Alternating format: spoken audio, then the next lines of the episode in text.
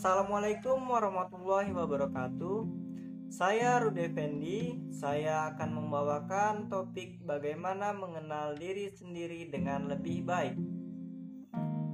Apakah kita sudah cukup mengenal siapa diri kita sebenarnya? Faktanya, bahkan sampai seseorang dewasa, berkeluarga, dan punya anak, masih banyak orang yang belum tahu betul siapa dirinya apa yang ia bisa, apa yang ia mau, apa yang ia bisa lakukan untuk membantu orang lain, dan apa cita-cita dalam hidupnya. Semua terasa begitu abstrak, tidak beraturan. Dan ketika sudah buntu, akan muncul pertanyaan, "Kok aku gini-gini aja ya? Kenapa aku bisa kalah dari dia ya? Kenapa dia bisa sukses dan aku cuma seperti ini?" Ada sebuah kutipan dari filsuf Yunani Aristoteles. Mengenali siapa diri kita adalah awal kebijaksanaan. Jika ingin maju dan berkembang, dimulai dari mengenal diri sendiri. Ketika Anda tahu siapa Anda, Anda akan tahu apa yang perlu Anda lakukan. Dan pertanyaan selanjutnya adalah, kenapa kita perlu mengenali diri sendiri? Ada beberapa alasannya. Pertama, untuk kebahagiaan. Kita akan lebih bahagia jika dapat mengekspresikan diri kita sendiri tanpa perlu berpura-pura agar diterima orang lain dan lingkungan sekitar. Kedua, kita akan lebih mampu mengendalikan diri.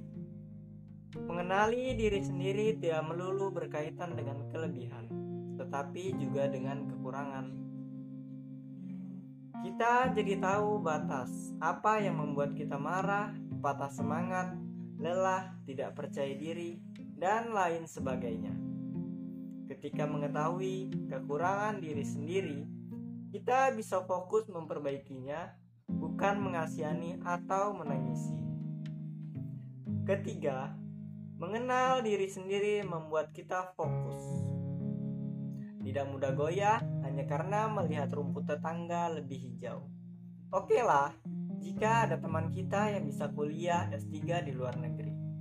Tapi kalau kita menyadari bahwa peran kita di sini bersama keluarga dan merawat orang tua, ya udah, biarkan orang lain menempuh jalannya. Begitu pula dengan diri kita.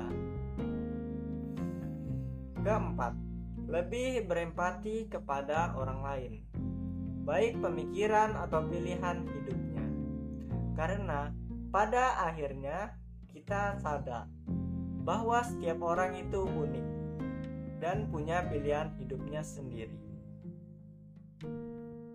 Dan kelima, buat kamu yang tertarik membangun personal brand, mengenali diri sendiri juga membantu mengoptimalkan skill yang kita punya. Nggak mudah ikut-ikutan apa yang menjadi tren dan nggak buang-buang waktu buat sesuatu hal yang nggak kita suka. Dan bisa fokus ke kelebihan yang kita miliki. Selanjutnya untuk bisa mengenali diri sendiri kita butuh satu hal. Berdiam diri. Luangkan waktu sejenak untuk melihat ke dalam diri kita sendiri Yuk teman-teman, ambil sebuah cermin, selembar kertas, dan sebuah alat tulis. Identifikasilah enam hal ini dalam dirimu. Pertama, value atau nilai. Menurut Dr. Rohmat Mulyana, dalam buku mengartikulasikan pendidikan nilai. Nilai adalah bagian keyakinan serta kepercayaan dalam diri seseorang yang menjadi dasar untuk melakukan sesuatu tindakan, baik kepada diri sendiri ataupun kepada orang lain. Contoh nilai adalah kejujuran. Jika seseorang memegang nilai kejujuran sebagai keyakinan dalam dirinya, maka di mana pun dia berada akan memegang nilai tersebut, baik ketika ada orang lain maupun ketika sedang sendirian. Kedua, interest atau minat. Minat bisa hadir karena bawaan sejak lahir atau bisa juga karena keadaan, pertemanan, dan lingkungan pekerjaan. Minat juga bisa berbentuk hobi yang kita geluti dalam waktu yang lama. Minat yang diasah secara terus-menerus akan menghasilkan keterampilan yang mumpuni dan bisa menjadi jalan karir bagi seseorang. Ketiga, temperamen, watak, atau karakter yang merupakan preferensi bawaan seseorang. Contohnya kayak gini nih. Jika kamu seseorang introvert, maka kamu menemukan energi dari dalam diri sendiri. Berbeda dengan mereka yang ekstrovert, yang energi dalam dirinya terstimulasi dari lingkungan luar. Keempat, waktunya untuk mencari biotem, yaitu proses biologis dan psikologis yang menjadi sebuah pola dan dapat diprediksi setiap hari. Misalnya, seperti kapan waktu untuk tidur, waktu makan, dan waktu bekerja. Ternyata setiap orang-orang berbeda loh. Seperti saya misalnya, lebih suka bekerja di pagi hari dan tidak suka begadang.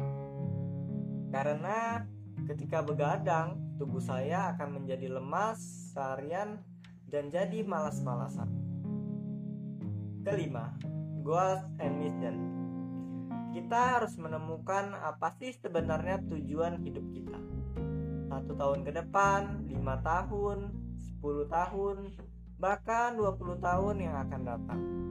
Kita ingin jadi seperti apa? Kita ingin sekeren apa? Kalau sudah tahu apa tujuan dalam hidup kita, langkah selanjutnya adalah menemukan bagaimana cara meraihnya. Jangan memimpikan sesuatu yang bahkan kita tidak tahu bagaimana cara mewujudkannya. Mimpi boleh setinggi langit, tapi juga harus spesifik, terukur, dan dapat tercapai Terakhir, dalam proses mengenal dan menemukan diri sendiri, kita harus tahu apa potensi dalam diri kita sendiri. Dunia ini equilibrium atau asas keseimbangan. Jika kita merasa punya kekurangan, kita juga pasti punya kelebihan. Kelebihan ini bukan hanya talenta dan keterampilan, tapi juga karakter, seperti loyalitas, suka belajar, menghargai orang lain, dan lain sebagainya. Setiap orang punya ketakutan dan kelemahan. Tapi dengan mengenal diri sendiri, kita jadi menyadari kekuatan yang kita miliki untuk melawan ketakutan tersebut. Dan sekarang adalah waktunya untuk berubah. Kapan? Sekarang.